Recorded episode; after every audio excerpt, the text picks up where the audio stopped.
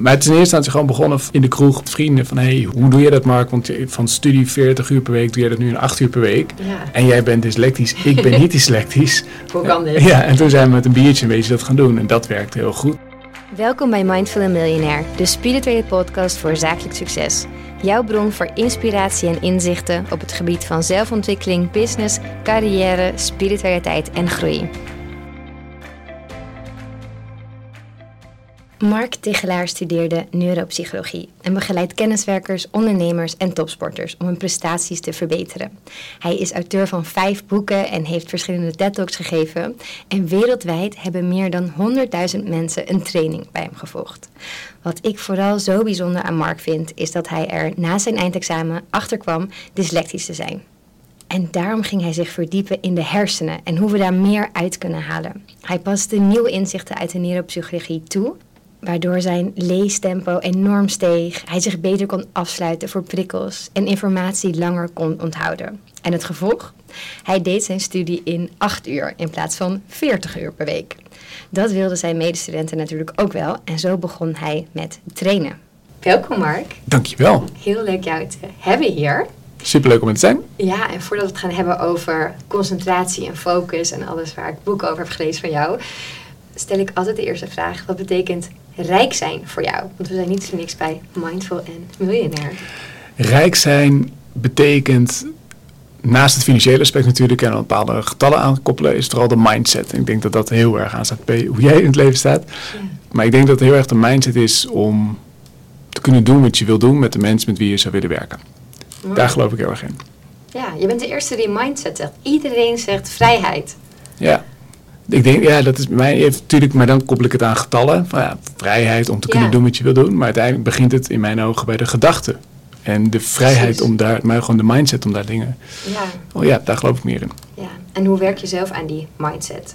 Om dat te zijn. Ja, zijn. ik ben daar steeds meer bewuster van, merk ik. Ik heb daar zeker nog dingen in te leren, weet ik van mezelf. Mijn vriendin is bijvoorbeeld heeft veel meer een overvloed mindset dan ik dat heb. Ze zei, oh, laten we een reizen gaan plannen. Laten we weer een jaar weggaan. Of, en dan denk ik, oh nee. Nee. Achteraf denk ik, ah, ja, ja, dat is eigenlijk wel een goed idee. Dus ik word daar heel erg in eh, gestimuleerd door mijn vriendin. Dat is goed. Dat is denk ik de belangrijkste manier voor mij om eraan te werken. Door ja, gestimuleerd te worden, in dit geval door haar. Ja. ja, fijn dat je het ook ziet dat het eigenlijk wel heel goed is, maar dat je even... Meestal in het begin niet. In het begin denk ik, nee, nee, nee. Nee. En waarom doe je het dan niet? Dan ben je bang dat er tekorten gaan zijn, dat er niet Ja, genoeg is. ja, dat, nou, Ja. precies. Het is gewoon puur beperkende overtuigingen. Dus dat is, dat is het ook echt. En Ja. dat zie ik steeds meer in dat het ook dat is. En dat helpt. En nou, waarom we hebben twee keer, drie keer een sabbatical gedaan in het buitenland.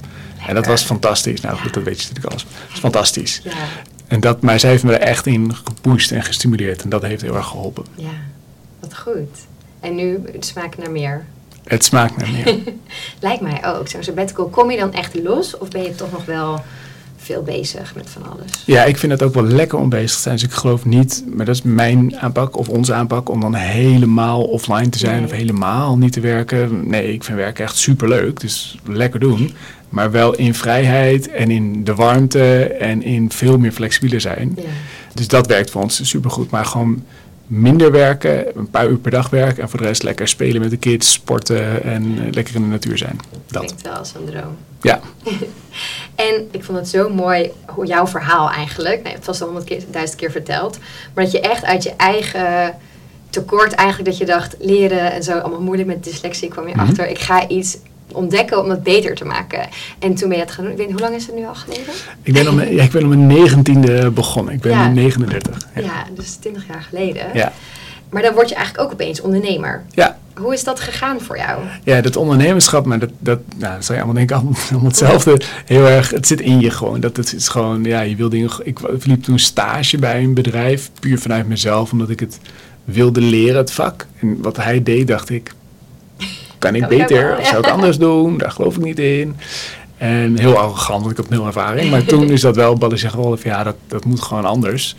Maar het is in eerste instantie gewoon begonnen van in de kroeg bij de, met vrienden van hey, hoe, hoe, hoe doe je dat Mark? Want je- van studie 40 uur per week doe je dat nu in 8 uur per week. Ja. En jij bent dyslectisch, ik ben niet dyslectisch. Wat fuck? Hoe kan dit? Ja, en toen zijn we met een biertje een beetje dat gaan doen. En dat werkte heel goed. En dat werd vrij snel, werden dat echte trainingen. En zodoende is dat balletje gaan rollen. Ja. En toen ben, dan ben je opeens ondernemer. Ja. En nu heb je een groot bedrijf, je stuurt een team om je heen. Ja.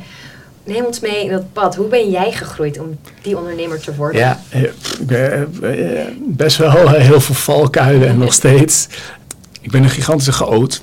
Eh, heel, heel creatief en daarmee heel chaotisch. Dus dat is absoluut mijn valkuil. Al is het ook een beperkende overtuiging, ben ik achter. Dat wij denken dat creatieve mensen chaotisch moeten zijn. Maar Check. Ja, dat, fair enough, fair enough. Vind ik, ja. Maar daar liep ik heel erg tegenaan. Toen was ik in het begin werkte ik alleen. Toen had ik, eh, nou, vrij snel kwam er iemand werken die, eh zeg maar als office manager. Maar had ik echt, mijn, mijn hele kantoor hing vol met post-it stickertjes. Gaaf idee, gaaf idee, gaaf idee, gaaf idee. En als een project niet werkte of traag ging, dan ging ik wel door met het volgende project. En zo hopte ik van het ene Ah, bliepende, blingende, glimmende idee en het andere glimmende idee. Maar uiteindelijk kwam er gewoon niks uit mijn handen. En daar ben ik heel erg in geleerd van koers vasthouden, af dingen, afmaken, veel meer dingen delegeren. Ja. Nou, dat is denk ik voor veel mensen herkenbaar. Als je, dat delegeren was echt een stap voor mij, maar dat gaat nu beter. Nog steeds heel veel in te leren. En mensen aansturen is nog steeds niet mijn ding, maar het gaat wel beter. ja, dat zeggen ze ook. Hè. Goede ondernemers zijn geen goede managers. Dus Ja. die kunnen niet aansturen. Ja, de e-myth, eh, ja, Ja. precies. Ja. Ik, ik herken het ook. Ja. Ja. Nu ben je hier. Mhm. En het gaat eigenlijk allemaal over concentratie, focus.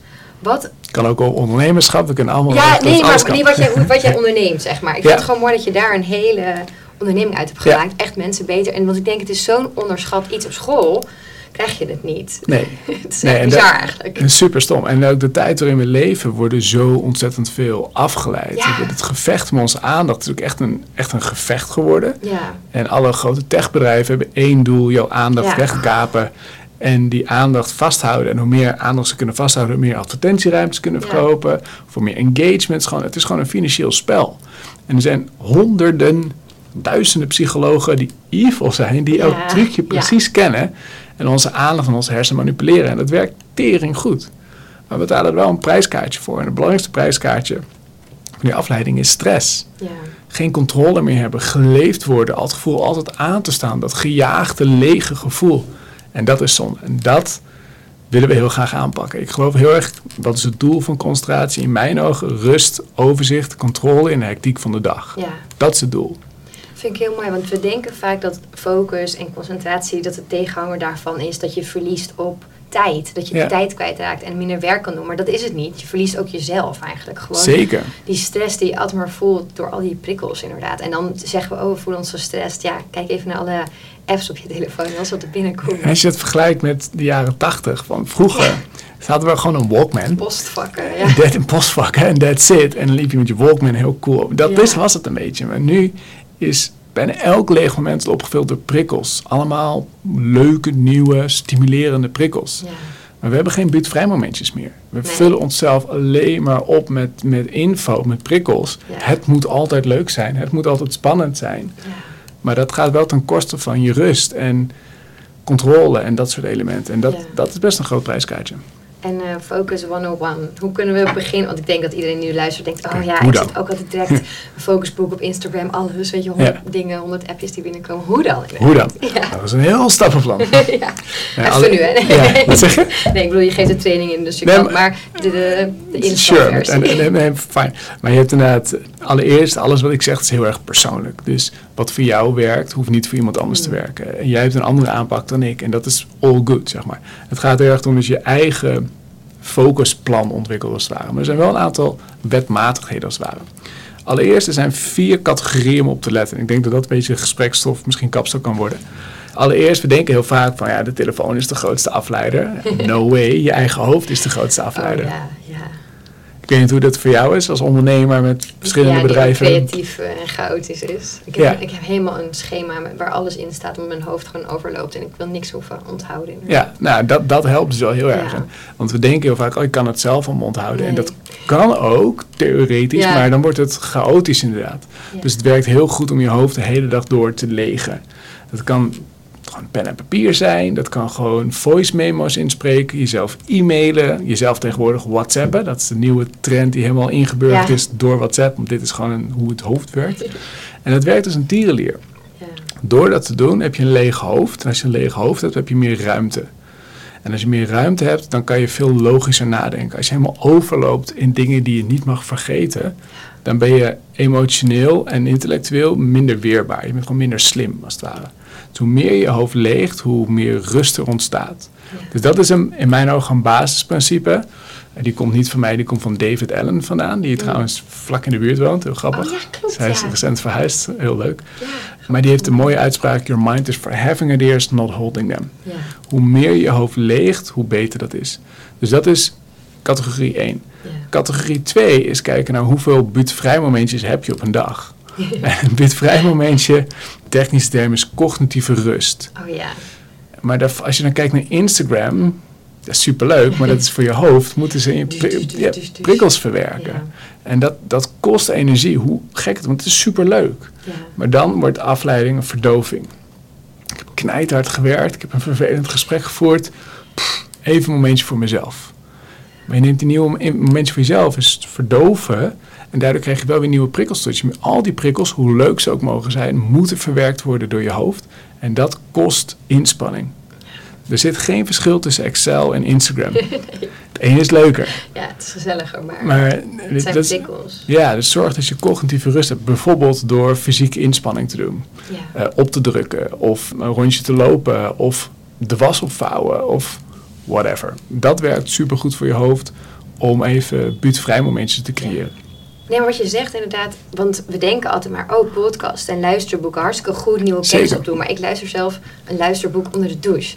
Terwijl je denkt, ja, Ja. ik kan ook gewoon even inderdaad een Ja. buurtvrij momentje inplannen. Dat ga ik Ja. vanaf nu doen. Ja, maar dit is zo interessant. Ik, en ik ben helemaal niet de voorstander van nooit meer een luisterboek luisteren. nee, nee, Lekker nee. doen. Ja, Maar het, het is een, is een nadeel. Als je, kon, als je super efficiënt wil zijn, Altijd. door altijd bam, bam, bam, bam. Daar zitten voordelen aan, overduidelijk. ja, Maar er zitten ook nadelen aan. En die zul je bij jezelf misschien herkennen of misschien bij mensen om je heen herkennen. ja. En dat is voor jezelf een balans vinden. Ik, iedereen heeft daar een eigen aanpak in. En wat voor mij werkt, wederom hoeft niet voor jou te werken. Maar mijn invulling daarvan is, ik wer- woon en werk in Amsterdam. Als ik 's ochtends naar kantoor fiets, heb ik of een podcast of muziek eh, op. Maar als ik s'avonds naar huis fiets, geen muziek, geen podcast. Dat is mijn, dat is om een klein mini voorbeeldje. Precies. De dag even de dag te laten, even om te schakelen, et cetera. Een bijkomend nadeel van al die luisterboeken en, en prikkels is, je moet heel veel. Zeker als het non-fictie is. Het enige fictie wat ik luister. I know, idem. Ook het leukste wat er is. Ja, zeker. En ik, oh shit, nog koud douchen zou ik ook moeten doen. Ja. Journalen zou ik ook moeten doen. Oh, die focusmomenten zou ik ook moeten doen. Ja. Je krijgt heel veel, zou ik ook moeten doen dingetjes. En dat kan nooit, al, we kunnen niet daarin perfect zijn. Dus dat is een bijkomend nadeel. Je to-do-lijst wordt groter na, die, na dat luisterboek. Of Ja. die podcast, zoals deze. Ja. En dat is een, dat is een Nu bijkomend... moet je niks doen. Nee, check. En dat is, een, dat, is een, dat is een gevaar in de samenleving waar we in leven. We willen overal tienen opscoren. Ja. Sociaal, financieel, emotioneel. Pam, pam, pam, pam, pam, pam. En, en daarin is alle kennis voor aanwezig. Dan word je ook gestimuleerd en bijna gepusht ook om dat te doen. Want dat is super goed. Om te, raar dat je nog niet koud doucht. Slecht Ja, hoor. Weet je, dat soort dingetjes. Maar dat zijn van die hele kleine dingetjes. Als je dat niet doet, denk je, hmm, misschien ben ik zwak. Hmm, je moet misschien- jezelf echt verontschuldigen als je het niet doet, inderdaad. Ja, En dat vind ik zo zonde. ja. Ja grappig. hè. En dan hebben we nog externe prikkels. Nou, Ja. was net als een auto die voorbij kwam. en dat is natuurlijk gewoon e-mail, telefoon, eh, omgevingsfactoren. Nou, dat, is- dat spreekt voor zich. En die categorie afleiders is altijd in relatie tot anderen. En het belangrijkste kernwoord hierin, of thema hierin is, je onbereikbaarheid communiceren. Hmm. Als je altijd bereikbaar bent, dan kun je nooit de diepte induiken. Dan loop je altijd, ben je ook zo'n directe relatie. In hoe vaak je onderbroken wordt door anderen en hoeveel oppervlakkige taken je doet op een dag. Ja, je mail we- wegwerken, LinkedIn scrollen, dat soort dingetjes moet ook misschien gebeuren. Maar de echte taken die er te doen, een nieuw boek schrijven of een nieuw strategisch plan maken, dat soort dingen, daar komen we dan minder toe, omdat je gewoon continu de- onderbroken wordt daarin. Dus dat is een interessant. En dan het laatste categorie, dat hebben ze allemaal gehad. En dan kunnen we dan lekker gaan kletsen, anders ben ik te veel ontzenden. Nee, nee, ik vind het heel interessant. Maar is, Want zo, eh, zo denk je ja? vaak niet na over alles. Dus het is heel goed om het zo een keer op een, zo'n rijtje te horen. Ja, en, en we kunnen gewoon lekker over gaan Ja. doorkletsen hoor. Dan, eh, want anders is het aan één kant, dat is niet de bedoeling. En de laatste categorie is hoe uitdagend is een taak? Hoe, hoe motiverend is een taak? Als iets super saai is, als het een super saai gesprek is, Als luisteraar, dan haak je hem snel af. Ja. Als het super boeiend is, automatisch heb je meer je aandacht erbij. Nou, dat zijn de vier categorieën en vanuit daar kunnen we alle kanten op in het gesprek. Ja, het is, ja, ik vind het heel interessant allemaal. Maar vooral ook hoe we onszelf saboteren. Want we weten het vaak wel. Het is goed en confronterend om het zo een keer in een rijtje te horen. Maar we weten het wel en toch, toch doen we het niet. Nee, afleiding is ook super verslavend. Ja, hè? Het is ook heel lekker. Prikkels, ja. Zoals afleiding, verdoving, verslaving, het zit een beetje in hetzelfde hoekje. Ja. Het is makkelijker, ook hetzelfde, het is makkelijker om door te gaan dan om te pauzeren. Ja, Dus ja, dan ben ik productief. Als ik niet productief ben, wie ben ik dan? dat nuttig willen voelen of zo. hè? Ben ik dan wel oké? Ja. Er zit een veel diepere laag achter dan. En ik hoop dat we die laag, dat la- en dat gok ook, dat we die laag Ja. gaan aantekenen. Want het, is niet alleen, het gaat niet over trucjes, dit verhaal. Nee, precies. Het is- Nee. zit Want een hele- waarom willen Ja. we onszelf afleiden en waarom zijn we zo verslaafd aan prikkels? Het zelfwaarde, zelf Zeker. Zeker. En dat herken ik ook heel erg bij mezelf. En dat heb ik wel steeds meer onder controle, maar nog niet helemaal. Vroeger ging, maakte ik ook dagen van 14 uur en vond ik dat vet cool, want Ja. dan hoorde ik erbij. Ik was Ja. totaal niet productief. totaal niet. Maar ik was Nee. wel stoer. Maar niemand kan volgens mij zo lang productief zijn. Nee. Als je kijkt inderdaad, ik ook in die tijd, wat ik toen deed, dacht ik, ik hield mezelf maar bezig. Maar het was niet Ja. effectief. Ja, het is, aan- het is aanwezigheidsverplichting, zeg Ja. maar. Ik ben dan op Ja. kantoor. En voor wie? Voor jezelf ook nog, hè? is Als bizar, ondernemer. Ik denk dat dat nu steeds meer. Dat, wereldwijd is een tendens dat er steeds kortere werkdagen komen. Dus. Of zes uurige werkdagen wordt mee geëxperimenteerd. Of vierdaagse werkweken. Ja. En dat, zijn, dat is een tendens die steeds meer eh, naar voren komt. Eh, en dat, vroeger werd er gedacht, oh, productiviteit is lineair. Hoe meer Ja. uren je maakt, hoe productief je bent. En dus bij fysieke arbeid is dat tot op zekere hoogte zo. Maar bij cognitieve werk, als ondernemer, als kenniswerker, is dat gewoon per definitie niet. Het is eerder een parabool. Als je te veel gaat werken, overal daalt je productiviteit gewoon knijterhard. ja. En dat wordt steeds meer duidelijk. Ik vind het ook moeilijk, want wij zitten natuurlijk hier met het juridische kantoor. Mensen moeten uren schrijven. Dus in die zin ik. is het wel meer uren. Maar het- toch werkt het niet zo. En dan zeggen mensen ook, ja, waarom schrijf je niet acht uur per dag? Want in plaats, weet je, wij schrijven misschien vier of vijf. Ik zeg, maar dat kan gewoon Nee. niet. Nee. Zo werkt je brein niet. Nee, en dat is interessant qua businessmodel inderdaad. Het is een urenbusinessmodel. En dat is, ja, dat zaakt dan, hoe productief jullie worden, ja, hoe minder je gaat verdienen bij spreken. Dus Ja. dat is dan weer een eh, interessante contradictie natuurlijk, wat op de hele Zuidas eh ja, helemaal. speelt. Ja. Maar ik geloof ook niet dat je zoveel uur... Ik denk altijd, als iemand dat wel is, dan zit hij gewoon zijn cliënten te Zeker, verneuken. zeker. Nee, eens, 100% waar. Je hebt ook die downtime Ja. nodig. Maar dat is het interessante, want als je dan tot een nieuw inzicht komt, heb je misschien onder de douche. Ja, Als je de hond uitlaat, ja, maar dat is dan een- misschien een, in een paar seconden heb je dat idee, maar het heeft misschien wel een paar uur geborreld, misschien wel dagen geborreld voordat het idee naar boven komt. ja. Wat schrijf je dan? Ja, die ene seconde, Ja. die paar, dat, is- dat is heel moeilijk, dat is heel lastig. Ja, en je kan ook niet in de douche schrijven. Nee, nee, maar ja. het is wel zo dat loslaten, die downtime, krijg je de beste Ja, ideeën. Ik had laatst tijdens een massage en ik dacht echt, oh nee, ik moet het allemaal opschrijven. maar stop, stop. ik een beetje Maar dat zo werkt het wel. Hoe werkt het in onze hersenen? Dat we altijd de beste ideeën krijgen als we niks doen. Ja, dat, dat, je hebt productiviteit en, en echt creativiteit. En je zou dat bijna, het is niet technisch, het is niet waar wat ik zeg, maar je, voor het, geval- ik kan het bijna als tegenpolen zien. Ja. Als je heel gefocust bent, dan, dan, dan kap je alle zijpaadjes af. En dan een topsporter is mega gefocust. En, en die sprinter gaat rechtdoor. Die gaat niet een zijpaadje in, die gaat rechtdoor rammen. Maar als je juist nieuwe ideeën wilt hebben, dan ga je juist die zijpaadjes ontdekken. Ja. En dat gaat in een ander gebied, een ander deel van onze hersenen, dat heet het default mode network. Mhm. En dat is één ook een beetje het oplaadstation van onze hersenen, maar twee ook een beetje het creatieve deel van ons brein. Maar dat creatieve deel, dat default mode network, wordt met name geactiveerd als je helemaal niks doet. Als je gewoon naar buiten staart. En bijvoorbeeld een hele simpele activiteit doet, zoals de was opvouwen. Oh ja. Of in ieder geval gemasseerd worden. Of dat is zo'n simpele activiteit. Dan word je enigszins bezig gehouden, maar je hebt wel de vrije loop, zeg maar. Ja. En dat werkt heel erg goed. Iets ja, dat klopt wel inderdaad. En dan dus geen luisterboek opzetten. Zoals Nee, want dan vul je, en dat is het, en hetzelfde ook met Instagram. Of, er is niks mis met Instagram, dus blijf dat alsjeblieft Ja, doen met z'n allen. Daar precies. gaat het, het is niet een betoog. Nooit Nee, meer doen, jongens. nee. Eh, eh, laat dat duidelijk zijn. Ik wil niet, uh, het slaat nergens op. Lekker doen.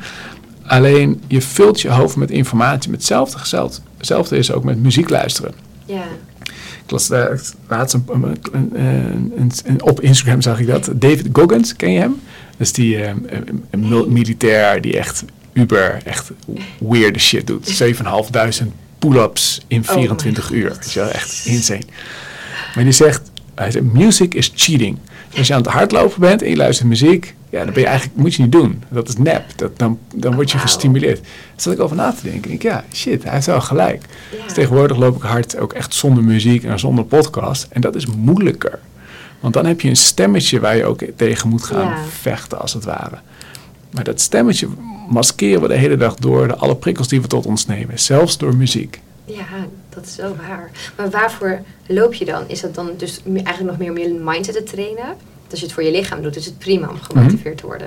Maar jij. Ja. doet het dan echt voor mindset. Ja, mindset. Ik ga in, eh, in september doe ik Project Phoenix. Van, eh, ik weet niet of je het kent van Sander Aarts. is een eh, commando training als het ware. Oh, ja, ja, een soort kamp van Koningsbrugge, maar dan zonder camera's. Ja. Dus we, we- gechargeerd gezegd.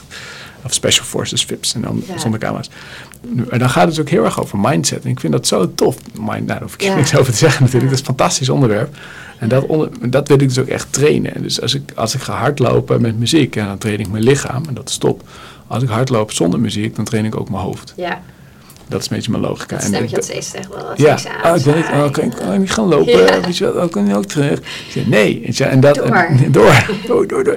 Maar dat vind ik zo tof. En Ja. dat, dat, ik, ik vind dat zo'n mooie metafoor om dat ongemak op te zoeken Ja, voor groei. want dat is wanneer je groeit. Als het niet leuk is. Daar geloof ik heel erg in. Ja, ik las laatst ook iets van, als het leuk is en niet spannend, dan groei je dus niet. Of zo. Nee. Dacht ik, ja, dat is wel zo. Ja, en het hoeft niet altijd ongemakkelijk te Nee, zijn. helemaal dat, niet. Maar, nee, het is ook, je hoeft ook niet elke dag te groeien. Dan word je ook... Nee, heel maar ik geloof, ik geloof wel dat we in een samenleving leven, dat samenleving leven, dat we steeds meer ons leven inrichten op comfort, comfort, comfort. Eh, Flitsbezorgers, Ubers, gewoon makkelijkheid. Alles is Alles, makkelijk geworden. ja.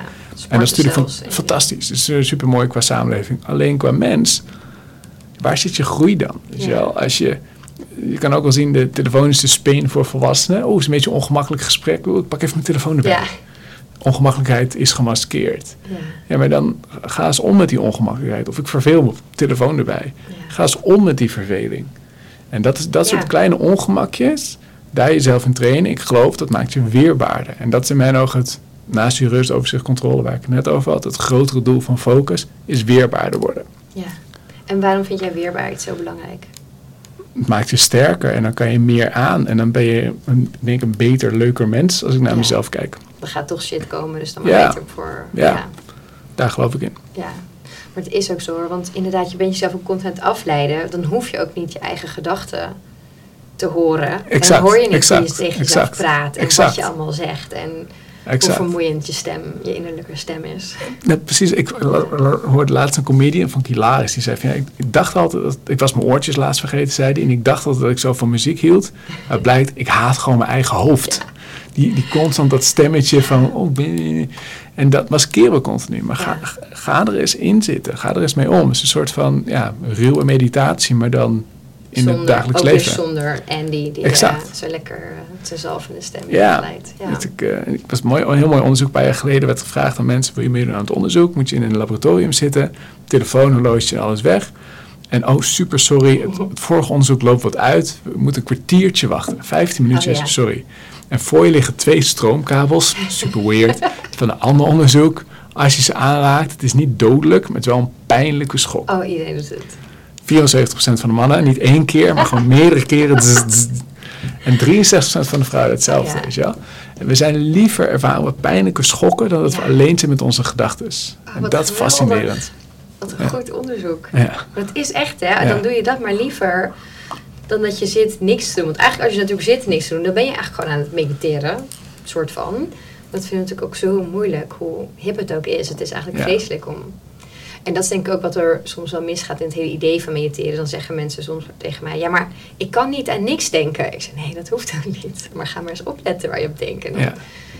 ja, ik, vind, ik vond dus wel, als je gaat opletten waar je op denkt, dat stemmetje, dan in het begin word je er niet per se vrolijk van. Nee, is. Het is best wel lekker om gewoon totaal oblivious te leven Ja. en geen idee te hebben.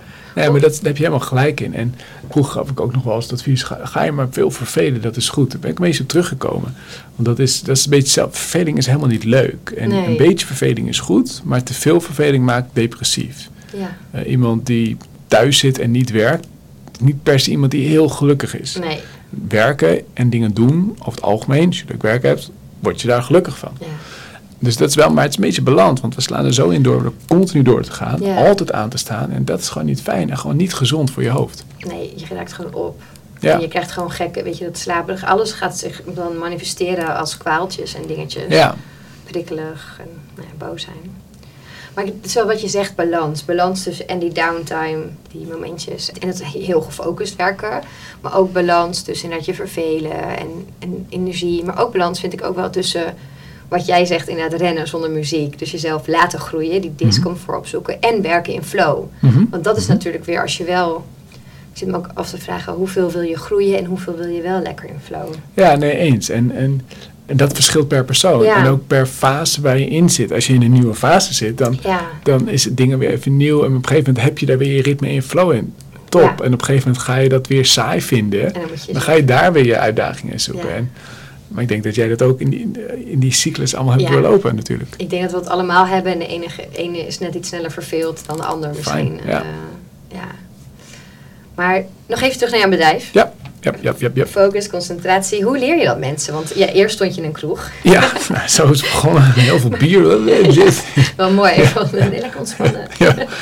Met Focus Academy eh, trainen we met name de grotere bedrijven. Dus eh, nou, de, de Heineken's, de Achmea, zeg maar, dat soort type organisaties. Om, ja, om te gaan met alle prikkels en afleidingen die er zijn. Ja. Waarin dus de grootste afleiding je eigen hoofd is. Grappig genoeg, groter dan e-mail en telefoon bij elkaar opgeteld. Maar daar hebben we gewoon een heel stappenplan voor. En we gaan dus die concentratielek, zoals die net kort hebben benoemd, Oh ja. gaan, we, gaan we echt bij je testen. Je gewoon, een te- gewoon echt een, een focus scan. En dan kan je precies zien, hé, hey, dit concentratielek wordt, is bij mij heel erg dominant. En dat concentratielek, ah, dat heb ik wel redelijk onder controle. Top, dan gaan we op dat concentratielek wat niet helemaal lekker loopt, gaan we daar op fine-tunen voor je. En dat kan je ook blijven doen. En dat, daar geloof ik heel erg in. Want als je in een nieuwe fase zit, of een nieuwe baan, of een nieuwe Ja. whatever, dan, dan heb je weer een nieuw accent. Bij mij verschilt het ook. Dat is al echt continu, heb je daar een beetje een fine-tuning in. Maar op een gegeven moment heb je dat wel lekker op orde. En uiteindelijk is het doel van de training dat je nieuwe gewoontes creëert. Dus focus habits. Uiteindelijk kennen ze superleuk, maar dat boeit niet zoveel. Nee. Dat is een basis, maar uiteindelijk is het nieuwe gewoontes, dat is het doel. En dat doen we heel erg op, niet alleen op individueel, maar ook heel erg op teamverband. Want uiteindelijk focus doe je met elkaar. Als jij Ja. met je focusvlaggetje zit, yo, ik ben lekker gefocust. Maar je collega's niet. anders zit maar da, da, da, da. Ja, dat gaat aan beide kanten gaat dat frustratie opleveren. Dus uiteindelijk is het lekker als iedereen dezelfde taal spreekt. Dat je ook gemeenschappelijke afspraken kunt maken en dat ook kunt synchroniseren. Ja. Dat werkt het beste. ja, dat vind ik hier soms ook wel moeilijk. Dan zitten mensen en dan zie je weer iemand en dan denk je, ja, hoe ga je zeggen, ik wil even stil. Ja. Ja, En wat een aantal organisaties hebben gedaan, die hebben focusblokken afgesproken. En dat verschilt per organisatie. Maar dat zou kunnen, bij een aantal organisaties werkt dat supergoed. We zitten hier vlak op de Zuidas, daar doen we heel Mm. veel eh, van Oh onze ja. trainingen.